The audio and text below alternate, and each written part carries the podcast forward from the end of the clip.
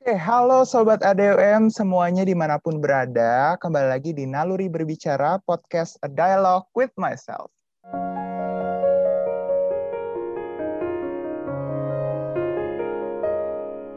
Oke, jadi teman-teman semuanya, uh, selamat datang lagi di podcast kita yang ketiga. Kita akan terus konsisten untuk membuat konten-konten yang uh, memungkinkan untuk bermanfaat. Semoga untuk teman-teman semua yang nonton ada insight yang bakalan didapetin. Jadi teman-teman semuanya, pada kali ini kita mau bahas sesuatu yang relate banget nih kalau di kalangan anak-anak muda. Uh, aku mau nanya dulu deh guys, sebelumnya ke kalian. Kalian pernah nggak sih merasa takut akan kehilangan atau ketinggalan sesuatu. Misalnya lagi ada diskon besar-besaran di suatu mall. Terus kalian tuh jadi cemas kalau kalian belum belanja di situ. Kalian jadi kepikiran, kalian jadi stres, kalian jadi depresi hanya karena ketinggalan diskon itu. Dan kalian tahu nggak sih guys, kalau itu ternyata ada fenomenanya. Namanya adalah fear of missing out.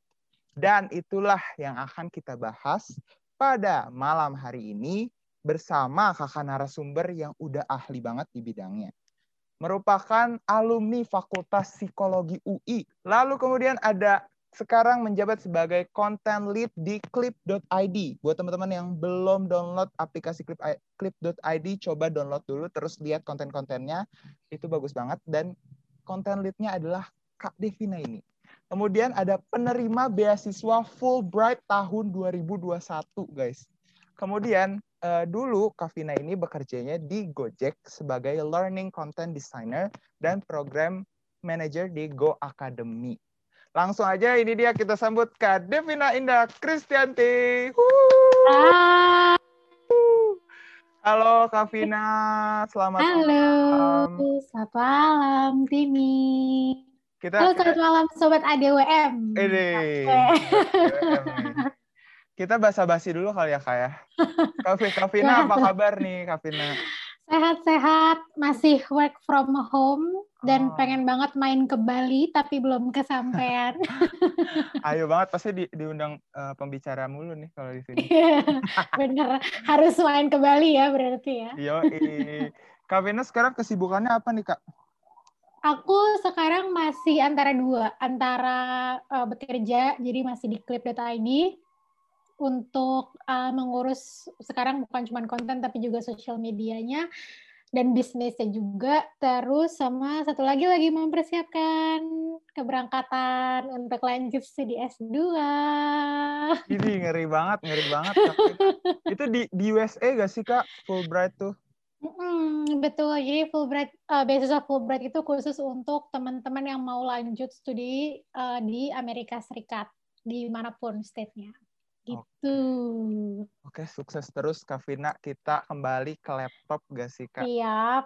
Siap, Langsung siap. aja nggak sih kita ke pertanyaan yang pertama. Jadi itu teman-teman ya eh, narasumber kita kali ini Kak Devina Indah Kristianti. Kalau mau kepoin IG-nya nanti aku taruh di description box. Siapa tahu ada yang mau ngundang jadi pembicara juga ya kan.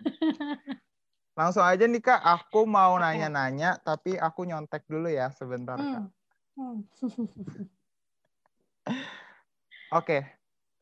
Jadi tadi kan kita udah bahas nih tentang fear of missing out uh, tipis-tipis mengenai FOMO ini mungkin teman-teman di di luar sana yang udah dengerin juga jadinya udah udah udah tahu lah gitu sekilas uh, FOMO ini. Tapi kalau hmm. secara penjelasan lengkapnya tuh sebenarnya FOMO ini apa sih kak? Oke, okay. uh, jadi mungkin teman-teman kan udah sempat mungkin sering dengar gitu ya kayak aduh gue FOMO nih gue FOMO gitu kan FOMO itu singkatan fear of missing out. Sebenarnya apa sih? Sebenarnya dia adalah bentuk dari kecemasan sosial. Jadi kan setiap kita itu bisa cemas dan kalau kita cemas itu kan penyebabnya bisa macam-macam kan. Nah FOMO ini sebenarnya kayak istilah yang cukup baru dan dia muncul karena kita semua sekarang lagi hidup di era sosial media yang apa-apa selalu penuh update setiap detik, kayaknya nggak bisa lepas dari handphone, kayak kayak pengen tahu aja gitu orang lain ngapain. Nah, muncullah istilah FOMO ini. Jadi sering kali FOMO tuh kaitannya sama kecemasan sosial karena kita merasa eh kok orang lain seru ya? Kayaknya kok gue nggak ikutan keseruan yang terjadi di luar sana ya. Jadi pengen ikutan deh. Mereka ngapain sih? Gitu. Kok gue nggak diajak? Gitu ceritanya. Relate banget ya sama sama aku. Tapi tapi sebenarnya FOMO ini uh, udah ada tuh dari lama kah atau baru-baru ini karena karena sosial media yang tadi disebutin? Atau kayak hmm. emang udah umum gitu sebenarnya kalau kita bicara social anxiety, kayak kecemasan yang disebabkan oleh lingkungan sosial itu udah ada dari lama. Tapi istilah FOMO ini kayak sebenarnya ada istilah yang baru karena kayaknya mungkin dulu orang-orang nggak punya nih istilah FOMO. Dulu orang mungkin nyebutnya ya cemas karena misalnya uh, tekanan sosial gitu ya. Kan kita kan dari dulu juga udah hidup di tengah masyarakat gitu kan. Tapi karena si dunia sosial media ini makin ramai dan kayaknya makin bikin kita tuh nggak pengen ketinggalan. Ada aja tiap hari yang baru gitu. Jadi akhirnya muncullah si istilah FOMO ini gitu. Nah, tapi Kak, setelah kita tahu nih FOMO ini, aku tuh mau hmm. mau nanya lebih lanjut. Sebenarnya kenapa sih bisa fenomena FOMO ini itu tuh muncul dari dalam diri kita gitu? Gimana hmm awalnya gitu nggak ngerti oke okay, oke okay. uh, gini gini jadi sebenarnya mungkin triggernya aku bisa share ada dua ya minimal yang pertama tuh adalah kita itu kan setiap individu kita tuh punya yang namanya identitas. Nah, identitas kita itu dibagi dua nih. Ada yang kayak identitas kita secara individu, jadi individual identity. Ada yang juga disebutnya collective identity. Collective identity itu kayak identitas kita bersama dengan orang-orang lain. Contoh kayak misalnya uh, Devina adalah seorang uh, perempuan. Devina adalah seorang alumni Fakultas Psikologi UI. Nah, itu kan uh, sebenarnya satu itu menggambarkan identitasku secara individu tapi juga menggambarkan oh aku adalah bagian dari Fakultas Psikologi UI gitu kan. Aku adalah bagian dari kelompok masyarakat tertentu. Nah um, kita semua kayak misalkan Timothy adalah um, apa tim? Misalnya Timothy adalah mahasiswa Universitas Udayana gitu kan.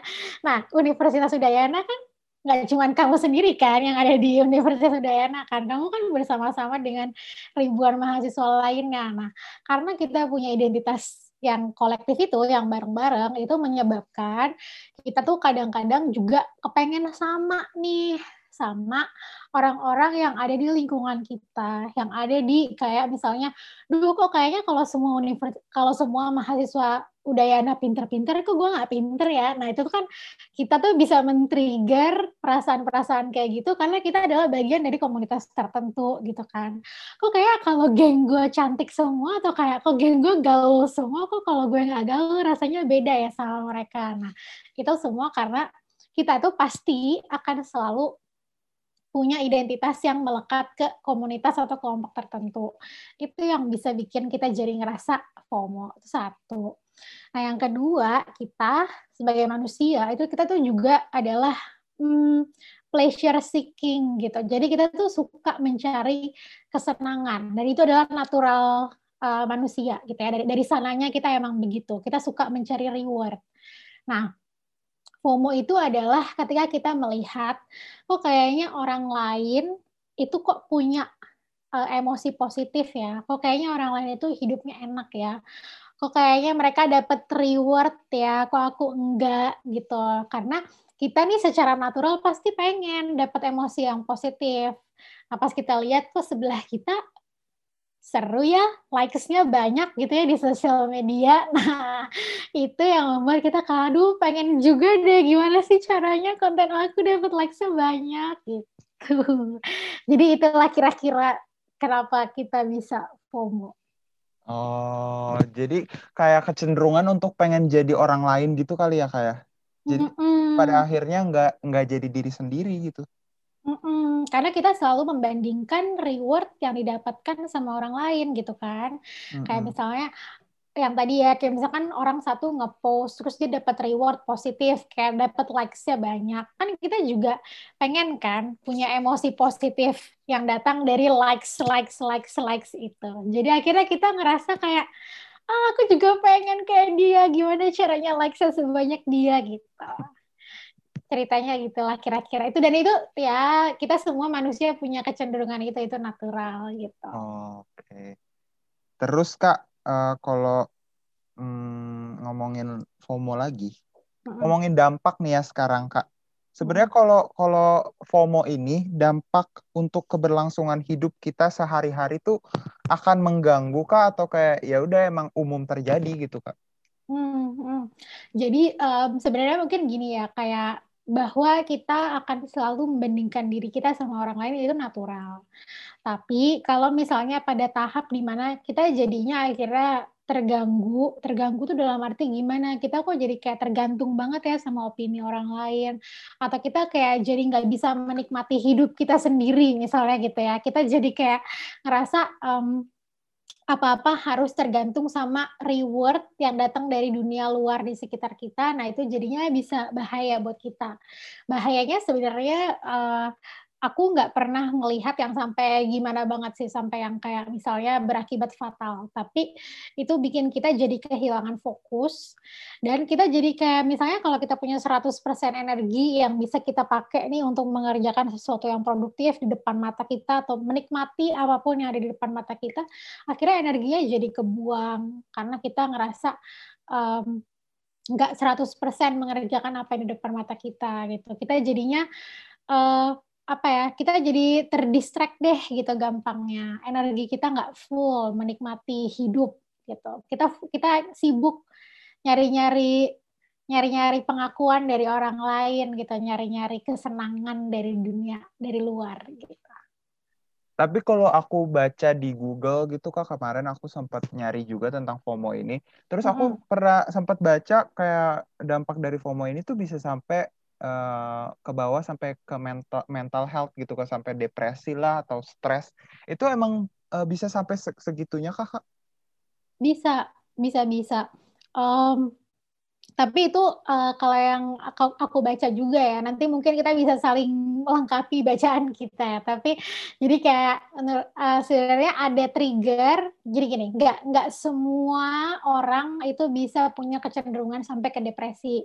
Karena itu kan tergantung kan, tergantung kita. Misalnya satu, ada orang-orang yang bisa uh, akhirnya cepat-cepat pasang kontrol buat dirinya. Jadi akhirnya dia nggak terlalu jauh sampai ke level depresi. Terus yang kedua, triggernya apa dulu? Kalau misalkan aku yang aku baca nih, kalau misalkan dia punya trigger tuh memang sudah kesepian awalnya, nah itu bisa memper apa ya, mempercepat akhirnya jadinya isunya jadi akhirnya depresi gitu uh, sampai akhirnya dampaknya jadi bisa sampai depresi. Itu karena memang dia satu uh, sudah punya loneliness, sudah merasa kesepian. Terus yang kedua juga kalau memang hmm, self esteemnya rendah, itu juga bisa jadi trigger. Jadi orang-orang yang self esteemnya rendah kan uh, agak sulit ya mengakui atau merasa dirinya berharga tanpa dapat pengakuan dari luar. Nah, orang-orang yang kayak gitu akhirnya jadinya lebih rentan, lebih rentan terhadap depresi, terutama ketika udah self esteem rendah, terus kita hidupnya dekat banget sama sosial media kan. Jadinya akhirnya ya disatuin jadi uh, apa efek depresinya bisa jadi lebih rentan gitu. Nah, jadi double kill gitu kali ya kayak. Yo, benar-benar. Berarti uh, mungkin karena itu kali ya jadi kayak orang-orang merasa Instagram tuh toxic atau kayak TikTok tuh toxic. Mungkin penyebabnya tuh karena FOMO itu sendiri ya kali ya kayak.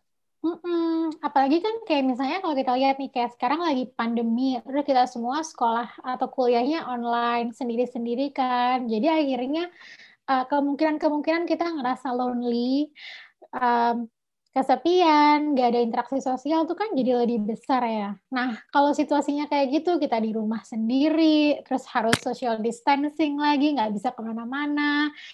Nah, ditambah dengan kehadiran sosial media yang sadar tidak sadar, sosial media itu kan menciptakan adiksi gitu kan ke diri kita, ke kebiasaan sehari-hari kita. Ya, bener Jadi banget. akhirnya dampak negatifnya tuh lebih aduh gitu. Lebih cepet gitu. Oke. Oh jadi gitu ya. Aku baru tahu banget sih ternyata FOMO ini se segitunya gitu. Apalagi buat mungkin nih kak uh, pertanyaan yang paling uh, fokus utama kita nih. Kalau kalau misalnya nih ada pendengar teman-teman sobat ADWM yang merasa loneliness tersebut dan ditambah lagi sama si FOMO ini, kira-kira gimana sih Kak cara mengatasi dan menanggapi fenomena ini menurut ilmu psikologis gitu? Hmm, oke. Okay. Wah, berat ya pertanyaannya ya. Oke oke oke. Mungkin aku pengen um, elaborasi dikit tadi ya di bagian bahwa sosial media tuh bikin adiksi gitu. Tandanya paling kelihatan dari mana kayak siapa di sini yang bangun tidur, pertama-tama yang dipegang duluan itu handphone, terus habis itu langsung scrolling Instagram duluan dari apa pun itu gitu kan. Kayak ada nggak di sini yang bangun tidur terus langsung nyiram tanaman gitu kan? Enggak ya gitu kan. Kemungkinan besarnya adalah pasti bangun tidur cari Instagram dulu atau ke TikTok dulu gitu kan lihat apalagi nih yang baru hari ini. Atau kayak ngelihat teman-teman kita lagi pada ngapain hari ini. Atau ngeliat eh postingan gue yang kemarin likes-nya udah berapa ya? Eh story gue yang kemarin udah dilihat belum ya sama si A gitu kan Nah, itu secara kita sadar atau nggak sadar itu tuh menciptakan adiksi buat kita. Makanya FOMO itu bisa muncul ya gara-gara itu salah satunya eh, apa ya sosial media itu didesain untuk membuat kita tuh kayak terikat atau ket, uh, punya ketergantungan terhadap apa pun yang ada di dalamnya. Jadi gimana sih caranya nih kalau misalkan teman-teman ngerasa, aduh kok ini malah bukannya bikin aku jadi makin produktif, malah bikin aku jadi makin cemas atau makin FOMO gitu ya. Jadi kayak pengen ngecek terus pengen ngecek terus aduh si ini ke mana ya? Aduh dia udah tadi dia di kampus sekarang dia di mana ya gitu kan. Kayak pengen ngecek terus. Hmm, yang pertama sebenarnya yang bisa dilihat eh, yang bisa dilakukan pertama tuh memang adalah menjauh menemukan triggernya yaitu si sosial media. Makanya mungkin teman-teman sering dengar nih, eh si A puasa Instagram misalnya kayak gitu-gitu ya, kayak detox sosial media detox gitu kan, kayak, kayak banyak orang yang mulai menyuarakan itu. Nah itu sebenarnya adalah salah satu cara yang emang paling efektif kalau emang kita pengen menjauhkan diri dari uh, ketergantungan atau si kecemasan sosial ini, si FOMO ini gitu. Jadi emang kita yang harus pintar-pintar membatasi diri. Misalnya nih bikin uh, setiap hari maksimal cuman boleh berapa jam untuk lihat ke sosial media. Selebihnya isi kegiatan lain gitu, cari pengalih karena kita kan punya energi ini, punya energi banyak. Nah, itu tuh harus dialihkan ke kegiatan yang lain atau ke um, apa aktivitas lain yang lebih produktif gitu. Terus yang kedua juga adalah cari koneksi yang um, mungkin aku bisa bilang real. Jadi nggak selalu harus interaksinya di sosial media, tapi bisa kayak berhubungan langsung sama teman, ngobrol, tanya kabar gitu kan.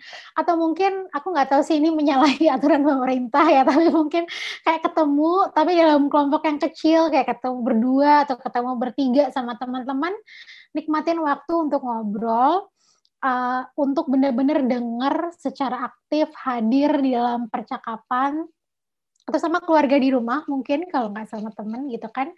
Tapi benar-benar apa ya gunakan waktu untuk benar-benar hadir untuk mau tahu kehidupan mereka kayak apa, nikmatin waktunya, nikmatin obrolannya gitu. Jadi ada dua cara itu ya kayak ya. pertama sosial media detox, kedua bercakap-cakap dengan teman dan keluarga. Tapi kak aku bentar nih kak, aku mau nanya pertanyaan yang uh, buat aku sendiri aku penasaran. Aku tuh punya punya masalah, kayaknya aku FOMO juga nih ya kak. Terhadap misalnya nih teman aku kayak uh, sebenarnya tugas tuh masih kayak misalnya sekarang nih uh, 13 Mei. Nah, tugas tuh sebenarnya masih tanggal 20 tapi di tanggal 14 Mei dia tuh udah nyelesain tugas dan setiap hari dia tuh ngingetin tapi sebenarnya dia bagus niatnya cuma aku jadi FOMO kak aku jadi takut, takut ketinggalan itu sebenarnya termasuk FOMO apa enggak sih kak oke okay. uh, eh, yang bikin kamu ngerasa insecure apanya? Kalau misalkan dia ngingetin, kayak kamu takut apa nih? Takut takut kalah bagus dari tugasnya atau takut nggak selesai di pas deadline atau gimana tim? Iya aku aku tak, tak lebih kayak gini sih. Eh kok dia udah selesai sih? Gue aku hmm. jadi jadi kayak panik gitu. Aduh belum belum tugas lagi, belum apa lagi gitu. Kalau diingetin yeah, yeah, tuh, yeah, yeah. padahal masih lama gitu deadline. kita emang harus suka mengingatkan diri kita sendiri ya.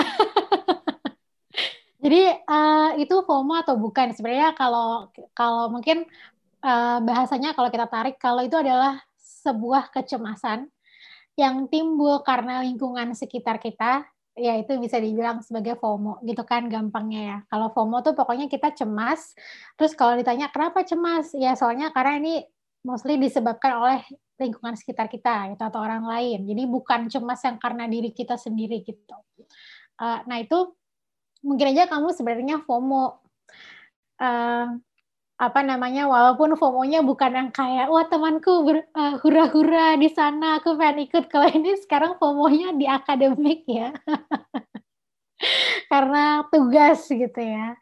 Cuman uh, apa ya emang kita uh, yang harus pasang filter tuh kita kan. Kita yang harus pasang filter apakah kita mau ngikutin perasaan itu atau sebenarnya kita mau take control terhadap emosi yang kita rasain.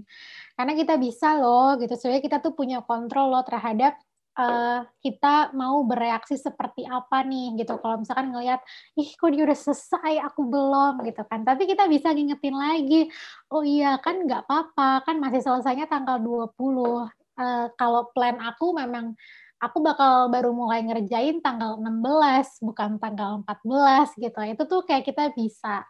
Mungkin dengan kita bikin planning kita sendiri, bikin timeline kita sendiri itu bisa ngebantu juga supaya tidak terlalu FOMO ya. FOMO FOMO less ya. Istilah baru tuh barusan gue bikin sendiri. Oke, tapi aku juga ini sekilas aja nih kayak mungkin nanti bakal dibahas juga di podcast berikutnya tapi aku mau tanya uh, terkait uh, kebalikannya si FOMO ini Kak karena aku juga hmm. pernah dengar tentang JOMO gitu joy of missing out itu sebenarnya uh, bagus bagus gak sih Kak atau kayak jelas penjelasan singkatnya tuh seperti apa kalau kalau JOMO ini Hmm, oke. Okay. Uh, kalau kita bicara joy of missing out, sebenarnya menurutku ini tinggal tadi ya kalau aku, kalau aku bisa bilang tinggal gimana kita mem, memfilter dan memilih bagaimana kita mau bereaksi terhadap apa pun. Kayak misalnya kalau fear of missing out sama joy of missing out kan kita misalnya sama-sama nggak tahu informasi tertentu. Misalnya kita nggak tahu oh Atta Halilintar baru menikah gitu misalnya kita nggak kita nggak tahu gitu ya dia baru menikah. Yang satu bisa bisa bereaksi akhirnya jadi merasa ketinggalan, jadi ngerasa panik, uh, jadi ngerasa cemas. Yang satu ngerasa ya it's okay kan nggak harus semua hal kita tahu di dunia ini gitu kan akhirnya jadinya yang satu nih yang si joy of missing out tuh jadi dia memberikan filter sama dirinya sendiri bahwa ya nggak apa-apa kan nggak harus semua hal kita ketahui di dunia ini gitu ada baiknya juga loh kita nggak tahu semua hal gitu kan. Karena akhirnya kita jadi bisa lebih fokus sama hal-hal yang menurut kita penting gitu. Tanpa ini ya maksudnya jangan akhirnya kita jadi wah gue nggak mau tahu informasi apa-apa semua nggak penting gitu aku nggak mau tahu tidak gitu. Enggak gitu ya. Kita perlu tetap relevan tapi kita yang tahu lah kadar pasnya normalnya itu di mana gitu lebih ke ini nggak sih kak seni untuk bersikap bodoh amat gitu gak sih? Ya benar benar benar benar. Hmm. Jadi kayak untuk hal-hal yang kita bisa kontrol, kita pengen tahu dan lakukan ter yang terbaik. Tapi untuk hal-hal yang kita nggak bisa kontrol, ya udah it's okay gitu kan. Kalau si Mark Manson kan ngajarinnya gitu kan. Yang yeah. penting kita ngelakuin yang terbaik untuk hal-hal yang kita nggak bisa kontrol oh ternyata ada siapa lagi nikah di luar sana. Ya sudah kita kita kita nggak harus sambil pusing nggak apa-apa gitu. Oke deh mungkin uh, udah lama juga nih ya kita ngobrol-ngobrol. Mungkin diakhiri nih kak sama pesan kakak untuk sobat-sobat ADWM di luar sana uh, tentang FOMO ini. Ada gak uh, dari Kavina? Ini aku manggilnya Kavina ya guys uh, mungkin ada yang pengen disampaikan untuk teman-teman yang sekarang lagi mengalami ke kefomoan itu hmm. sebagai closing statement. Kurasa mungkin closing statementnya uh, kita semua itu punya pilihan. Tadi yang aku sempat share, kita semua tuh punya pilihan, kita semua punya kontrol, kita mau bereaksi apa terhadap dunia yang bakal terus-menerus lari cepat gitu. Dan kita semua yang tahu seberapa cepat kita bisa berlari. Kita nggak harus selalu sama dengan orang-orang di sekitar kita. Uh, kalau yang satu likes-nya ada seribu dan hari ini mungkin kita likes-nya 100, it's okay. Kita semua punya speed, kita semua punya timeline masing-masing. Um, jadi hati-hati untuk memilih reaksi seperti apa supaya kita tidak menyakiti atau membebani diri kita sendiri dan akhirnya kan jadinya yang uh, lelah mentalnya kita-kita juga kan. Jadi daripada kita menyakiti kesehatan mental kita sendiri, lebih baik kita aja yang pinter-pinter pasang filter. Uh, itu dia teman-teman sobat ADWM eh, bincang-bincang uh, kita dengan Kak Vina. Sekali lagi kalau teman-teman mau kepoin Kak Vina ini boleh langsung aja dicek di description box. Siapa tahu ada yang mengundang juga kan ke podcast-podcast. Iya. Karena Sun akan menjadi pembicara terkenal nih Kak Vina. Wow, amin. Oke deh, terima kasih sekali lagi Kak Vina untuk kesempatannya buat ngobrol-ngobrol, sharing-sharing bareng. Udah banyak banget insight yang kita dapetin tentang FOMO, tentang JOMO, tentang bodo amatan, terserah apa pun itu, kita udah dapet banyak banget dari Kak Vina. Thank you banget. Uh, please jangan jangan kapok lagi Kak kalau kita undang lagi di ADWM ini. Pasti. Nanti nanti uh, webinar kan. Weh. Spoiler, spoiler. Oke deh, thank you juga buat teman-teman yang udah dengerin. Semoga teman-teman dapat apa yang kalian cari di sini dan juga uh, buat teman-teman yang belum dengar sesi-sesi sebelumnya, uh, coba tonton dan coba tangkep apa yang kalian dapetin komen di kolom komentar. Oke teman-teman, terima kasih banyak. Jangan lupa subscribe channel ADWM, follow juga Instagramnya, follow juga Spotify-nya, dan semua platform boleh kalian follow untuk kita sama-sama berkembang dalam diri sendiri. Terima kasih banyak teman-teman semuanya. Terima kasih banyak Kavina. Sampai jumpa di podcast berikutnya. Dadah. Bye.